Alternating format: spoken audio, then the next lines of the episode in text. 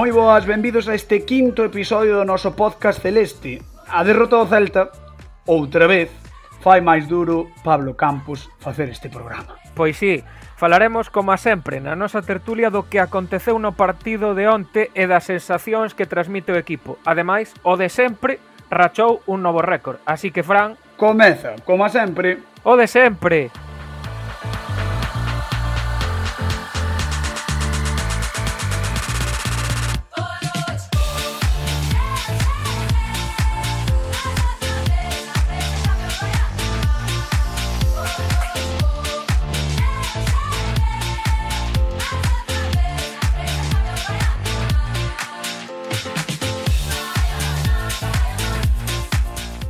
O Celta sufriu a cuarta derrota deste curso ligueiro, un contundente 1 a 4 ante un equipo superior, tanto a nivel individual como a colectivo. E que Real de Imanol Alguacil é un equipazo, Fran. Pois si, sí, xa se veu dende o inicio na maneira de facer circular o balón, con pases rápidos e con presión alta tras perda. Nunha boa xogada chegou o primeiro, centro dende a esquerda e golazo, ollo, golazo de Silva catesta. Home, é que o primeiro gol de Silva no seu retorno á Liga tiña que ser en Balaídos, eso estaba claro, sí. estaba para meterlle uns euriños, eh, Fran? Totalmente.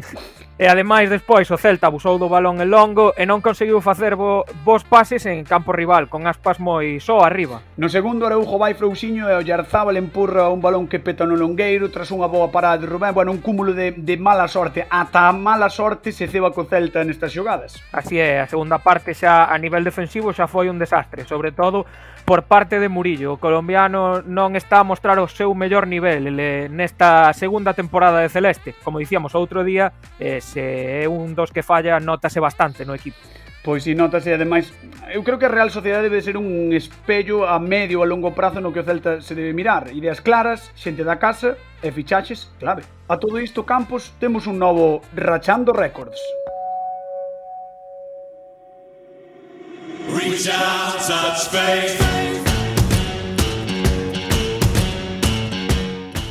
Co seu penalti anotado, Iago Aspas se converteu no máximo goleador da historia do Celta de Vigo na primeira división, superando ao mítico Hermidita, 105 tantos. 156 en total, e Aspas xa só ten por diante a Polo e a Nolete como máximos goleadores do club en todas as competicións, en todas. Ollo, non confundir a Nolete con Nolito, eh? No. que non lo dera para o próximo partido. Imos a analizar agora no que, o que aconteceu no Celta Real Sociedade neste tempo de análise.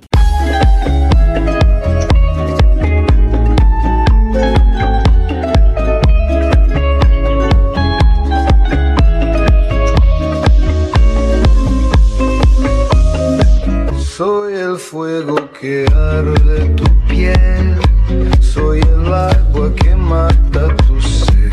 El Como sempre chega o prato forte deste podcast o noso tempo de análise, con tertulia incluída. Hoxe están connosco dous invitados de renome, de excepción. Eles son Jacobo Buceta de Cadena Ser, que tal, como estás, Jacobo? Moi boas, que tal? E Jorge Paz, comentarista da Radio Galega, que tal, como estás, Jorge? Hola, moi boas. Bueno, en 10 segundiños, eh, empezamos por ti, Jacobo. Que titular vos deixa o encontro de onte diante da Real Sociedade?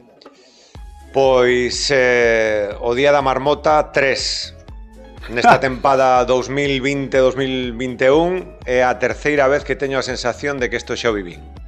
Eh, para ti, Jorge? Para min, impotencia e, e baño de, de realidade, creo, ante a un rival moi superior, que se sabía que era superior, pero un pouco a, a sensación no celtismo é de, de impotencia agora mesmo ante todo o que se presenta por diante. Sí, sí, eh, impotencia e superados e ademais cunha Real que, que viña con rotacións porque sí. Miquel Merino non xogou, Isaac tampouco, Monreal tampouco, Yarzábal 45 minutos, Porto outros tantos, pero eh, a dinámica da Real é positiva e, e valelle para, para gañarlle a este Celta insulso. Sí, está claro, porque hay que partir. A ver, el partido de onte, si fuera así un partido hillado, pues bueno, é normal que a Real, tal como ten agora mesmo plantexada a plantilla, pues é moi superior. Ten, me podes tú, rotacións, ten, que ten un equipazo, de verdade. Eu, eu hasta considero, o Madrid o Barça non melloran, peso incluso candidato a, a, a estar aí loitando pola Liga, quizás, é dicir, destos anos raros que saen. Pero bueno, centrándonos no Celta, que de que o, pues, foi pues, unha impotencia total, e ver que non hai ningún tipo de solución ni, ni, por ninguna parte. É dicir, que, que vimos o partido non veíamos ningún tipo de reacción en ningún momento. É que o problema tamén é un pouco eh, como medimos os rivais, non? Porque dicimos que a Real Sociedade, que é verdade, non? E aínda lle faltaba Zubeldia, Elustondo, eh, Zaldúa, que non estaban eh, mm. nin convocados para este partido, as rotacións que apuntabades. Pero claro, eh, se non lle plantas cara a Real Sociedade, é dicir, Silva un jodadorazo, eu que estive onte en Balaídos, disfrutei como un enano, porque ademais teño moi boa relación con el, pero non pode estar tan só que toca, vete, toca, vete, Ollarzabal tirando diagonais, eh, Barrenechea que parecía, non sei, o mellor Overmars do Ajax de Bangal, era unha cousa que era de impotencia absoluta, o, o comentou moi ben Iago Aspas o rematar o partido, non? Sí. Que era que perseguíamos sombras, que non éramos capaces de chegar a presión no seu momento. Entón, cando analizas pois o Celta da que se enfrentou a Real Sociedade, o Celta que se enfrentou ao Atlético Madrid, o Celta que se enfrentou a, ao Barcelona, pero cos da nosa liga tampouco fomos quen de gañar, non? Porque non gañaches nin o Eibar, nin o Pucela, nin tampouco eh, pintou chacar ao Sasuna, é dicir que tes unha trayectoria que agora mesmo eu teño dúbidas de a que xogo Celta e, e contra quen pode dar a cara o Celta neste momento. Sí, sí. Eh, bueno, eh, que o que comentabas ti ademais porque tamén eh, non son capaces de gañarlle os equipos da da, da nosa da liga, liga da sí. baixo, da nosa liga e que tamén é que as sensacións contra eses equipos son peores, dende o meu punto de vista son peores que as sensacións que deixa quitando o partido de onte que deixou contra o Barça ou contra o Atlético de Madrid, sí. porque o día do Levante, o día do Levante non se non se perdeu porque bueno, claro, por, celebramos por tema do árbitro eh, por claro, eh, porque o Levante tamén está como está. É que celebramos un empate co colista con gol anulado no 93. E parecía que era como, non sei, o empate do ano pasado contra o Español, non?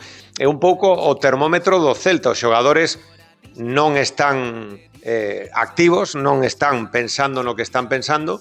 O adestrador está agora mesmo nunha batalla campal contra todo o que se move eh, e o contexto é moi complicado de xestionar cando tes non son incendios, senón hai moitos incendios dentro dun incendio. Fíxate que esta semana falamos moi pouco da racha de falta de gol, de que xa non hai a presión alta, de que non temos eh, oportunidade de sumar fora de casa de novo, que temos un problema moi grave de, de gañar fora, que gañan todos fora da casa, hmm. gañou o Elxe fora, gañou o Cádiz varias veces, gañan todos os rivais fora, o Eibar en Sevilla no Pizjuán, e nós non, non somos capaces de gañar fora, pois non falamos de nada diso por todo o Cristo do tema do vestiario e do entorno, esa palabra tan cruifista que, que xa empregou esta semana Óscar. Eh, eh, faime, o sea, acabas de dicir o tema de que non se gaña fora da casa, eh, recordo que as estadísticas e todo dicía que este ano, coa pandemia, sen público, tal como están os campos de fútbol, parecía que ia ser en mellor ou máis fácil gañar fora da casa, lonxe de Baleidos. E, eh, sin embargo, Celta sigue como se tivese 40.000 persoas en contra del loitando eh, cando xoga noutro campo. Entón, claro, chama moito a atención eh, eh, que non se puntúe nada fora da casa. Sí, pero eh, que fora de casa o problema do Celta saben de dous anos as estadísticas son, son moi amante das estadísticas. Nos últimos dous anos e medio claro. o Celta gañou seis partidos fora de casa e dous foron en Anoeta, dous en Villarreal e dous no campo do Levante. É dicir, a casa esos campos non gana desde, desde un partido un derbi en Riazor. É, dicir, é un Celta que, que ven en caída libre desde desde fai, eh, eu digo que a, a crise do Celta non é de agora, obviamente, que, eh, digo eu, sí. digo a maioría, eu creo que empeza no verán de 2018, non só co do Berizzo do 2017, que foi o cambio drástico, sino cando se votou a un Zue, que e aí creo que fomos todos insustos con el, porque é certo que aquela temporada o Celta fixo unha temporada moi boa a nivel de números, pero todos estamos falando de que nos aburríamos en balaídos, fomos moi exigentes con Unzué, moi insustos, eu entre eles, porque... E aí ese, ese verán foi un desastre a política de fichases. E o equipo arrastra os problemas, penso que desde ese verán. Desde ese verán que se fixo, se probou con Mohamed, vimos como saiu, cambio de adestrador cada, cada mes de novembro toca un cambio de adestrador, e eu creo que os problemas nacen xa non só no de Berizzo, sino no, na, no cese dun Zue. Por fixarse así un pouco nos espellos que temos que temos cerca, non, de outros equipos galegos, eh, sempre se falou moito de que o Lugo é unha trituradora de estradores dende que, mm. que marchou Quique Setién, pero é que o certo Ademais, ben o fío tamén das palabras que dicía outro día Aspas, que apuntaba ahora o Buceta, no pospartido, dicía el, claro, é que igual nos temos que mirar un pouco máis ao ombligo porque nós algo estaremos facendo mal para que tean vindo cada ano dous adestradores ou tres e que estemos desfacendo nós tamén triturando adestradores. Claro, pero tamén eu creo que hai eu creo que o fútbol está a mudar. Eh, estamos vendo os problemas que teñen os equipos españois en competición europea, non? O fútbol é físico agora, o fútbol é dos Endombelé e compañía, non? De mm. de Mané, de de Salá, eh, de xogadores que son moi moi físicos, de Son, eh, agora están eh, marcando unha pauta. A min comentábame un, un bueno, un responsable da de scouting dun equipo importantísimo da primeira división dicía que estamos cambiando o noso modelo de xogador porque isto imos a un fútbol moi físico, xa non nos chega o tiki-taka famoso para facer frente. Pois isto se, se nota un pouco, por exemplo, onte, a Real Sociedade, ti veías o, o, o nivel de Gorosabel, por exemplo, de Barrenechea, físicamente o Zubimendi, pero ademais do fútbol que pode ser Zubimendi o novo Xavi Alonso. Firmo, para mí un dos xogadores con maior futuro que ten o fútbol español, pero que ademais físicamente son xogadores moi fortes. Eso é unha cousa que, den, que arrastramos incluso dende a época dun Zué. Eh, apuntaba o tema dun Zué, que eu creo que fixe un, un bo traballo, pero marcaba o presidente unha pauta. Necesitamos un equipo máis agresivo, porque falaban de que era un equipo ás veces pois de moito que horizontal, de moite e temos os mismos erros agora mesmo, temos tocóns, temos xogadores de bope, como se di, pero que hai unha, unha carencia física e de exixencia física que leva a que Óscar plantexe este ano unha presión alta e durou tres partidos. Uh -huh. Sí, porque a presión a presión alta que fixo ante o Celta foi canto menos dantesca porque sí. eh, saía moi fácil a, a Real Sociedade tocando, o Celta non, non incomodaba eu falando un poquinho máis do partido non sei se entendedes a decisión de Óscar de cambiar da defensa de 5 a defensa de, de 4 e poñer a Fontán de lateral un xogador que, que no ves e que xogou de, de lateral esquerdo pero bueno, o meu modo de ver bailando ca, ca, ca máis fea do equipo contrario con o Yarzábal e comporta unha segunda parte eu creo que aí eh, matou un pouquiño sí.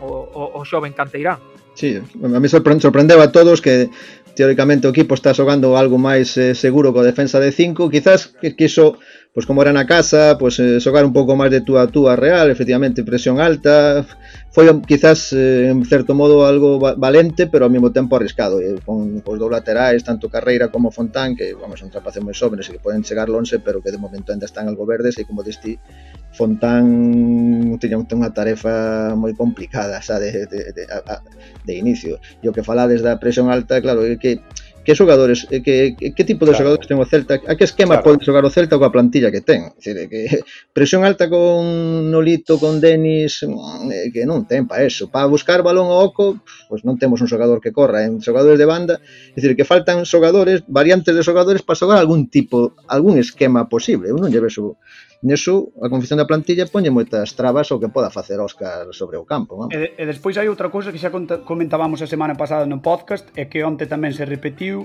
que é eh, aspas baixando ao centro do campo cada dous por tres sí. para iniciar a xogada porque é imposible, porque ninguén dá saído entón claro, eh, perder a aspas que é o teu máximo goleador xa histórico da liga eh, eh, de estar preto da área é matar o gol do equipo É un pouco o tema do, do Barça con Messi, non? Cando sí, sí. non tiña referencia de Luis Suárez, viña a recibir o centro do campo, eh, inicia a xogada, abre a banda e vai el o remate, non? Que pois isto máis ou menos é o mesmo, pero se entero obviamente a capacidade de definición que, que ten Leo Messi. E, e Iago está a facer todo o que pode facer e máis, pero eu, por exemplo, a min gustoume, a, ainda que non está nun momento 12, a referencia de Santimina libera un pouco a Iago dese traballo que, que fai Arreo que unha barbaridade, non? Mm. Onte vimos, sí. pois eso, eh, Iago e David Silva son os dous mellores exemplos. Hai un balón con 0-3 eh, que saca Sergio Carreira dentro do seu lateral,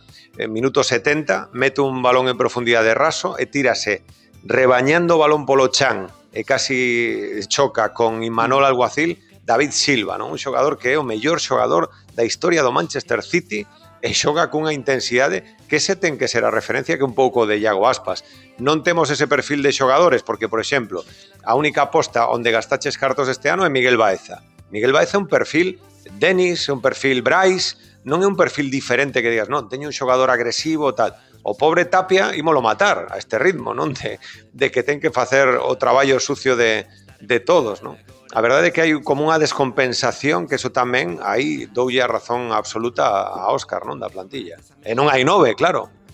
Claro, e despois eh, sí. tamén era o que o que dicía Óscar, non, que ninguén está por riba do club nin adestradores, nin, nin, nin sequera o propio presidente, aínda que sexa o propietario, se acaso unha voz autorizada para dicir esas cousas é Iago Aspas, pero é que Iago Aspas, como todos os xogadores, é caduco, non vai estar toda a vida. E, e falabas agora como de por comparar un pouco con David Silva, que ten 34 anos, eh, e Aspas tamén ten os seus anos xa, sí. pero claro, quen vai coller ese relevo? Quen, quen vai ter esa, esa capitanía, Uf. non? Ese, esa veteranía e ao mesmo tempo eh, poñer cando hai que poñer toda a carne no asador polo equipo?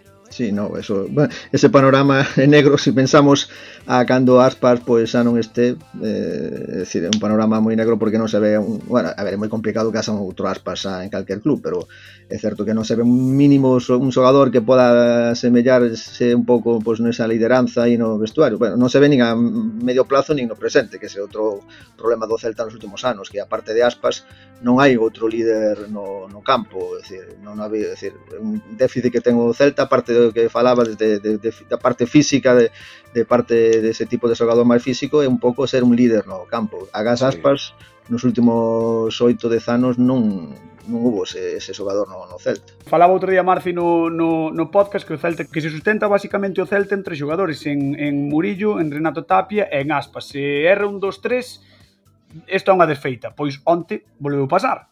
Errou sí. Murillo, desfeita. Terrible, sí, o partido de Murillo foi terrible, o de Araujo igual, de feito eh, no descanso quitou uno, E, e o partido de Iago, bueno, pues foi un partido de, de impulsos, de tentalo, pero está só arriba, que a min onte que estaba en Balaídos, o que me chamaba a atención era eh, hai unha aportación nova que con Rubén Blanco si ten o Celta, que é unha saída aseada de golpeo, porque é moi limpo o golpeo de Rubén Blanco, po, que pode ser buscar unha referencia arriba, pero que non hai ninguén, joder, uh -huh. que estaba eh, Lenormand disputando con nolitos balóns por alto, non? Que dicir, isto é surrealista, e que non tes un eh, Santi tampouco é un xogador para esas cousas, pero polo menos ten corpo para corpear, non? Non tes a Maxi, non tes un xogador como Tucu Hernández, e ao final, eh, cando falábamos de físico, cal foi o éxito daquel Celta de Berizzo, pois que tiña tres xogadores no centro do campo, que ademais tiñan fútbol, porque eh, o propio Tucu foi por detrás do nove de Alexis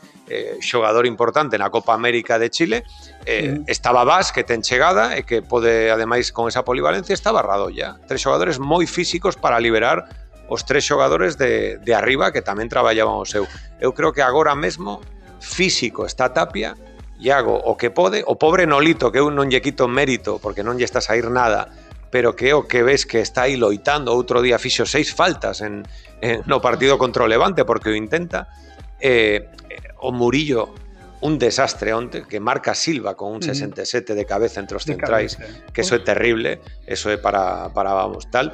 E despois eu creo que unha peza para min que ten que ser moi moi importante a partir de agora porque o de onte foi eh, levalo ao matadero foi eh, Rubén Blanco. Rubén Blanco ten que ser o que foi o ano pasado, o segundo mellor xogador do Celta despois de Iago Aspas. Eh, vedes vedes algunha solución, algún brote verde onde onde aferrarse, Jorge? Eh, eu o que falaba, que coincido con Marci, que o bloque, a liña, é dicir, Rubén na porta, Murillo, Tapia, Aspas. Eu son os catro xogadores que confío en algo en Nolito. Eh, claro. si eu, home, con eles 4 só va a ser difícil, pero espero que se enganchen outros xogadores, porque dá a sensación de que os xogadores que non están do, que non están tendo minutos, polo que sexa con Óscar, se están borrando do, do, do, de, de aportar algo e ese é o gran problema. E si que lle bota a culpa un pouco a Óscar de que vai ter que meter no grupo a xente que non está participando e que tense que, que implicar máis, porque só con esos catro xogadores eh, non, non vai chegar, é dicir, eu, no. é dicir, eu creo que vamos sufrir cada punto que se faga de aquí a Xaneiro e Ouro, puntiño a puntiño, rezar para que haxa, como sempre, tres ou catro equipos peores, que de momento creo que sí que os hai, pero Cales. a verdade é que está complicado. Cales. Cales. Cales, home, eu, eu quero, a ver, aí varía a la vez eh, van a estar eh, a isto Sí, home, eh, sí, polo que ves. E logo, pues, non digo que tenga baixo de todo, porque están aí la loito como ano pasado, que vamos a estar seis ou sete equipos, o Esca, Valladolid, o propio Levante me está sorprendendo, que ten equipo para máis, pode que salga, e logo ainda, pero espero que o Elche que non si, que si, no, si non nos gana nos o Benres tamén está Ah, claro, que se nos gana o Benres o Elche No, pero en ese, se... Ao Cádiz, ao Cádiz xa o quitamos no, de claro, claro. sí, sí, sí, sí, sí. No, e o Sasuna igual, eh, Pero unha, eh, mí... unha cosa positiva deste ano que falabas antes non, está, non estou de acordo que a única diferencia co ano pasado é que, vale, non estamos gañando os de abaixo pero tampouco estamos perdendo porque o ano pasado Perdimos en Leganés, perdimos en Eibar, perdimos en Vitoria, uh -huh. perdimos perdimos en Pamplona, non somos capaces de gañar o Español ningún dos dous partidos o ano pasado, tal como foi o Español, perdimos en Mallorca, e iso ao final no verás estíamos todos en contra ao final. E parece que non, pero o mínimo que nos podemos agarrar é non perder mm, contra de momento contra ningún dos de abaixo. En Elche eu firmo un empate, que sería ouro, e logo xa se verá se se pode recuperar na segunda volta. É dicir, estamos agarrando a miserias, eso é certo, pero Eso é verdade, claro. Por eso digo que un pouco a fotografía do Celta e os xogadores abrazándose no minuto 94 cando pito o colexiado Melero López, que vamos, que hai que darlle un piso no centro da cidade, eh, precisamente, nese Levante un Celta 1. O Levante levaba tres goles e, e creou unos 7, 8, 9, 10 ocasións bastante claras de gol. Eh, un pouco o problema de decir non, é que o equipo está desconectado, o equipo ten máis fútbol, Denis non se esquenceu xogar o fútbol. Eu negome a pensar que Santi Mina, que estivo aí a un gol de Rodrigo Moreno aquela tempada, eh, no máximo goleador de, de Valencia a que se lle esquenceu marcar. A Brais que chega a selección, que marca no debut da selección, que levaba unha racha moi boa de goles no non se lle pode esquecer. O, hai moitos factores que fan que estes xogadores non estén conectados e non teña a suficiente confianza. Que a solución é votar a Óscar? Pois non sei, pero que hai que buscar solucións? Seguramente sí. Falabades antes do Lugo. Chegou Juanfran, revolucionou, e serviu e despois xa non serviu para o equipo e chega Nafti e serve. Pois o mellor hai que buscar eh, darlle así a manta e airear para intentar que, que haxa un, un cambio de actitude non? Eu vexo, eh, por exemplo, onte no partido houbo cousas que chaman a atención. Por exemplo, a cara de Olaza eh, eu que estaba en Balaídos era un poema porque claro, sacaslle a Fontán por diante del no lateral esquerdo pero a cara de Junca, imaginadevos pero a cara de Okai que saiu a quentar no minuto 20 da primeira parte e que se sentou no 80, imaginadevos, e Santi Mina a cara que tiña e o rebote que tiña con Rullé canda o saca no minuto 60 e pico, así, con 0-3 e se lle pon a dar instruccións, imaginadevos. Por eso digo que hai moitas cousas a maiores do, do tema do CAPI de, de Hugo Mayo, o ex CAPI, perdón, que, que chaman moito a atención e que isto hai que solucionalo porque senón imos ao ollo de cabeza. Que, que, que iso é outro tema que xa se trillou pola semana, o de, o de Hugo Mayo, pero que me deixas un pouco botando, é eh, buceta. Eh, está esgotado o crédito de Óscar a falta do partido contra o Elxe? Eh, que, que o problema, bueno, pola sensación que dá é eh, que non hai ningún tipo de confianza nos do, dos xogadores e de, da dirección deportiva e técnica en Óscar, non sei por, será polo seu carácter ou polo que sea, non hai conexión, entón e que a solución, eu penso que Óscar seguramente dure unha semana máis, non vai solucionar nada que o que o voten, pero é certo que non vexo alternativa, ou eso ou que algo que non se ven normalmente nun club de fútbol é que se senten a dialogar e que, e que poñen as cousas en riba da mesa e que seguen algo. Pasa que no fútbol hai, os egos eh, fan imposibles as cousas. Nos, eu no equipo no que estuve da directiva en terceira división fixemos eso unha vez e arranxanos as cousas, sentar equipo parte técnica, xogadores e directiva, sei que en primeira división non se fai, ou ou chegar a un acordo e, e falar cara a cara ou non queda outra que, que votar a Óscar e, e acertar co, co adestrador, que eso sí que é complicado. Claro, que a min dame un pouco a sensación de que o que dicía antes Buceta de que isto é unha, unha guerra de guerrillas, non? Hai moitos lumes, moitos incendios dentro do Celta e agora mesmo parece que, que Óscar eh, non ten relación, por dicirlo así, con ningunha parte do club ou que o está mantendo o presidente ou non sei, vos, vos teredes máis información, pero é que a realidade é que está todo totalmente desconectado, que, que os compartimentos do Celta están todos desconectados entre sí e aquí é veña, balóns a outro e, e isto xa sairá como saia. Sí. É que hai o tema eu creo que ben viciado da temporada pasada, claro. Cando ti eh, remata a liga. Bueno, primeiro se renova a Óscar antes de conseguir a permanencia, que a min pareceume algo que chamou poderosamente a atención, non? Obviamente el reclamou esa renovación previa a reactivación da Liga, o, o club cerrou ou pechou esa renovación, pero non estaba salvado o Celta, a min pareceume raro.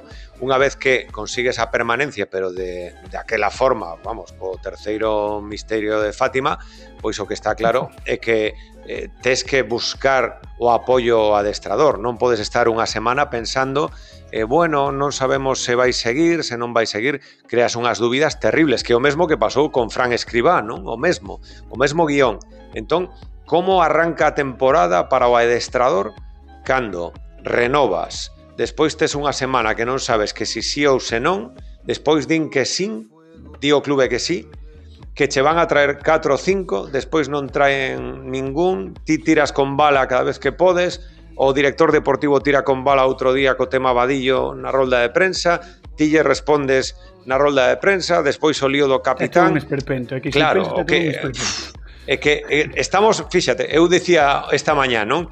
Que o, o máis chamativo de todo isto é que non estamos falando de que o Celta leva só unha victoria, de que só levamos cinco goles, catro de aspas un de carreira, e dous deles a balón parado, que non somos capaces de gañar fora, que hai eh, moitísimos déficits, que non sei canto, non, estamos falando do extradeportivo.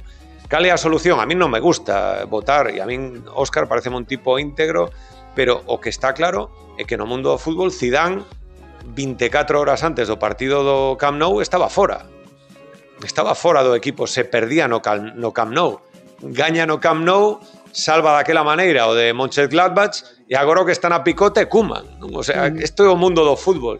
Entón, eh, o que mandan son os resultados, os resultados do Celta eh, dende que chegou Óscar leva seis victorias. Son terribles, o sea, o rendemento que está dando o equipo en puntos, en puntuación, eh, é moi bueno, moi en frouxa. sensacións, claro, é que en sensacións é terribles, sí. Sí, pero se non tes sensacións e, e puntúas, non como di Mourinho no no documental do Tottenham. Eu non veño a facer amigos nin decir que veñen xogo, eu veño a gañar, non? Pois se vas conseguindo resultados, ben, pero que non chegan tampouco resultados. Tendo en conta que despois do partido do Elxe hai parón de seleccións, cousa que, bueno, eh, o tema das seleccións, pare, deixámolo aparte, eh, tendo en conta que hai ese parón, eh, se o Celta non gaña en Elxe, pode ser o, o último partido de Óscar García Ñuñén no, no banquillo. Eu penso que non, no fútbol non debería depender tanto do, porque que, difer, que diferencia pode haber porque podes gañar sin merecelo podes perder de mala sorte É sí, sí, totalmente, pero bueno, estamos falando da, do proceder desta directiva, vendo outros eu, exemplos. Eu creo que se buscan, eu creo que ahora mismo se están movendo por buscar unha solución a buscar outro adestrador, pero sí. claro, que convenza económicamente, que convenza no, bueno, no que no que ofreza, pois pues, sí. que non exixe encontran... moitos fichaxes, que o de sempre, o de sempre. Si, no, si, si, si non matan a Óscar agora mesmo é porque non está nada claro nin económicamente nin nin a idea de, de que de adestrador pode haber, que non se confía sí. que en acertar porque non o teñen pechado, claro, claro. No, se, se, si tuveran claro un adestrador para sustituir, eu creo que xa, a mellor non agardaba nin ao do Elche, pero é certo que non é fácil, porque económicamente a situación tampouco é fácil, eh, dentro do propio club tampouco están claras as cousas, eh, bueno, pero son conscientes de que a mellor non... Home, perdendo un Elche, está claro que que sería insostible, pero non debería depender, penso que de, de eso. Pero... Eu creo que esta semana é de traballo para pechar o plan B. Claro. E dependendo de como vai a cousa, ter un plan B xa pechado. E cando falamos pechado, falamos de que xa incluso pois haxa eh, ese intercambio de información precisa para que o adestrador que poida vir teña toda a información de como está o vestiario, de como están os xogadores, que xogadores hai que activar, temos o caso do CAI, por exemplo, non? O caso de Néstor Araujo, que é unha sombra no campo. Entón hai moitísimas eh, informacións que hai que traballar con ese adestrador e despois o que apuntabades, o tema económico é fundamental nestes momentos, pero tamén aí o club debe ponderar, non? É o momento de facer unha aposta eh, arriesgada, entre aspas, o tema da arriesgada económica ou potente, eh, tentar non pasar apuros para aforrar un disgusto eh, manter eses 50, 60 millóns de euros de non baixar, eh, claro, chegará un momento que haberá que facer unha aposta, porque aí está o Zaragoza, que ven o Lobo que ven o Lobo, eh, o Zaragoza que Pedro, chegou o Lobo a terceira e baixou. E aí está, paseándose sí. polos campos de segunda. Durante o Córdoba, anos. claro, por iso digo que eh, joder, que temos a Bará que nos salvamos sempre. Chega un día que estás eh, que eres un grandísimo xogador de póker e non che sae a a man eh, eh, caeste. É un pouco o que estamos, non? É un que estiven en Cornellà el Prat, de verdade no partido da última xornada, eu tiña debaixo o palco e vi a cara de Mourinho, e a cara de Ricardo Barros, o vicepresidente, e a cara de Primitivo, que estaba ali tamén no palco, e vía os suplentes, Nolito rezando e santiguándose todo o rato, Óscar xirado, vale, falando... Feito, hai eh... un vídeo do Plus boísimo, hai un vídeo claro, do pero, Plus boísimo. Disso, pero imagínate en directo, eu ali, claro, pendente, claro. pendente do partido do Madrid, vindo as caras, Iago dicindo aos compañeros do campo, 2-2, 2-2, joder, que nos vamos, que nos vamos, e os xogadores bloqueados. Eu mm. ese día saín de ali dicindo, o clube seguramente desta eh, toma nota e, eh, joder, isto ten que cambiar e tal. Estamos nas Nada. mesmas do ano pasado, mm. eh, de hai dous anos, es que o mesmo, o mesmo e o mesmo. Hai que intentar, dunha vez por todas, cambiar. Eu, claro, ten que ser, e xa remato, que estou face, falando demasiado. Sí, no, ben, ben, ben. Eh, no, digo que, por exemplo, para Óscar, imaginadevos eh, poñer a tele a semana pasada, como fixen eu, pois un partido, ostras, eh, Smolov en Champions, ostras, Rafinha en Champions, ostras, Piones isto en Champions. E claro, que diga Felipe, diga Felipe Miñambres que non perdimos eh, potencial este ano, joder, pues claro, es que quen se come esa, esa roda de moinho?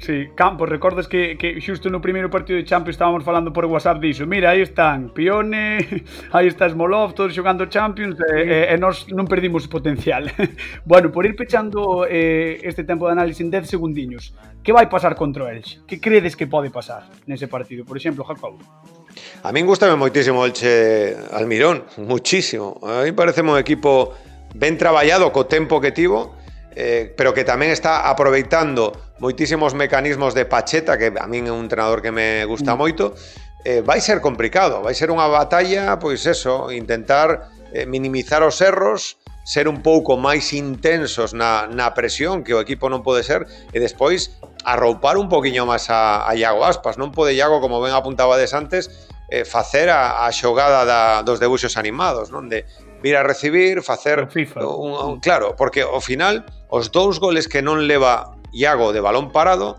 son dous, eh, dúas carreras de 60 metros. O gol contra o Valencia regateando a Jaume Domenech e o pase de, de Denis Suárez en Pucela na primeira parte que se corre todo o campo do Pucela, regatea tres e marca.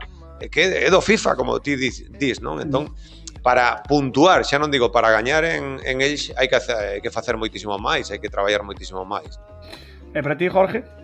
Eu creo que a base eh, anímicamente tamén que, que esa confianza en poder sacar algo, porque se a sensación agora mesmo que, que dentro dos xogadores se non hai, se hai moitas dúbidas, non hai nada que facer, son equipos eh, moito moi correosos, son puntos moi moi trabados, como foi o partido de Levante.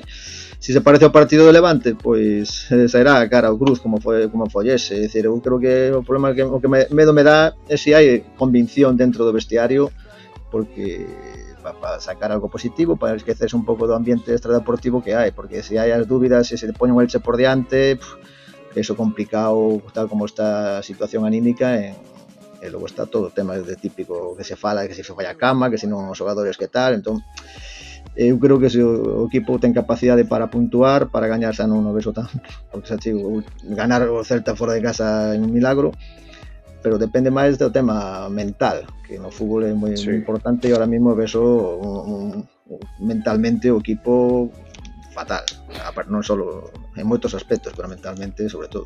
Complicado seguro seguro que vai ser, pero bueno, hai que ser positivos. Jacobo Z, Jorge Paz, moitísimas grazas por pasar polo como a sempre de sempre, e nada, que, que gaño Celta, que é importante. Importantísimo, unha aperta, grazas. Veña, unha aperta, moitas grazas. Unha aperta a todos, unha aperta. Nos, Campos, se, se che apetece, se queres, imos ver como vai a previa.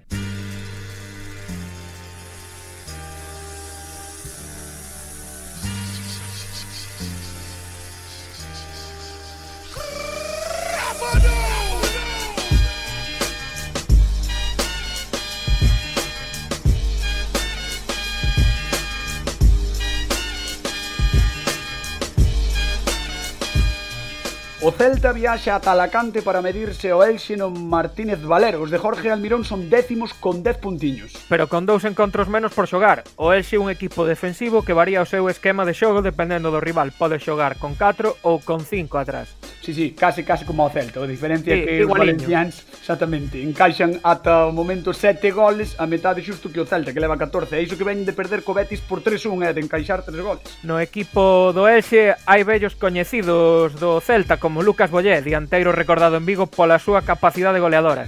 O Tete Morente, ex do Lugo, tamén conta con xogadores de gran calidade como o Pere Milla ou o porteiro Edgar Badía, que está facendo un gran inicio de temporada. O primeiro match ball para Óscar será este próximo venres ás 9 da noite. Esperemos que poida salvalo, que sería unha gran nova para o equipo celeste. Lembrade que o adestrador celeste estará hoxe cos compañeiros de O Contraataque na Radio Galega ás 23 horas, ás 11 da noite. Non volo perdades porque promete titulares, eh? Ata que chegou este, como a sempre, o de sempre. Vémonos a semana que ven. Veña, ata a próxima.